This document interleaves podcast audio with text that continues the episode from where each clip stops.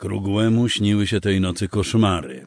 A ponieważ w jego życiu, zarówno prywatnym, jak i zawodowym, już dawno nie panował taki spokój, doszedł do wniosku, że to skutek wczorajszej, zbyt obfitej i zbyt późno zjedzonej kolacji. W końcu nie miał już dwudziestu lat, ani strusiego żołądka jak kiedyś. Stał przy umywalce i kończył się golić. Ostatnie kępki twardego zarostu z chrobotem poddawały się ostrzom maszynki. Krugły opłukał ją z mydła, odłożył na umywalkę i nieco krytycznie spojrzał na swoje odbicie. Był wciąż przystojny, choć odkąd poznał Ewę, jego twarz zdążyła się nieco zaokrąglić. Stabilizacja w związku miała swoje plusy. Między innymi w miarę regularne posiłki. Ale niestety, te z kolei były przyczyną minusów. Fragment szyi między podbródkiem a grdyką zrobił się nieco obwisły, przez co wystawał spoza linii szczęki. Wypełniający go tłuszczyk był niczym wyrzut sumienia. Widoczny w lustrze za każdym razem, kiedy krugły w nie spojrzał. Podobnie policzki. Może nie wisiały, ale były już lekko pucołowate. Wybrzuszenia kości jarzmowych, kiedyś nadających twarzy zadziorności, powoli zanikały. Gęste, ciemne włosy zaczynały siwieć na skroniach, co najbardziej widać było po każdym strzyżeniu. Ich kolor można było określić malowniczo pieprz z solą. Dobrze, że przynajmniej były jeszcze na swoim miejscu. Zarost na twarzy również zaczynał tracić pigment. Ewa śmiała się, że kiedy krogły nie goli się przez kilkanaście dni, wygląda jak sznaucer. Faza wieku dojrzałego, do której komisarz właśnie dotarł, objawiała się zmianami widocznymi na całym ciele, włączając w to okolice pasa i tyłka.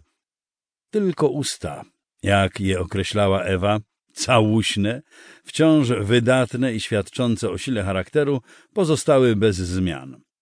Wokół nich nie pojawiła się ani jedna zmarszczka.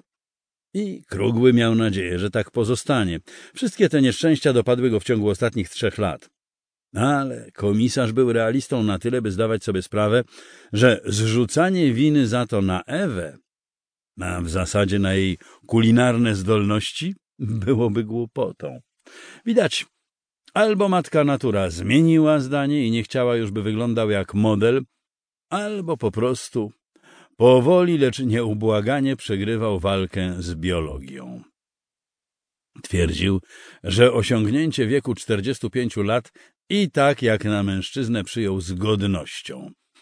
Generalnie uważał, że narzekać na swoje życie absolutnie nie ma prawa. Praca w Komendzie Wojewódzkiej Policji w Szczecinie wciąż dawała mu ogromną satysfakcję. Choć gdzieś w głębi duszy tłukło się przeświadczenie, że cztery gwiazdki to szczyt jego kariery.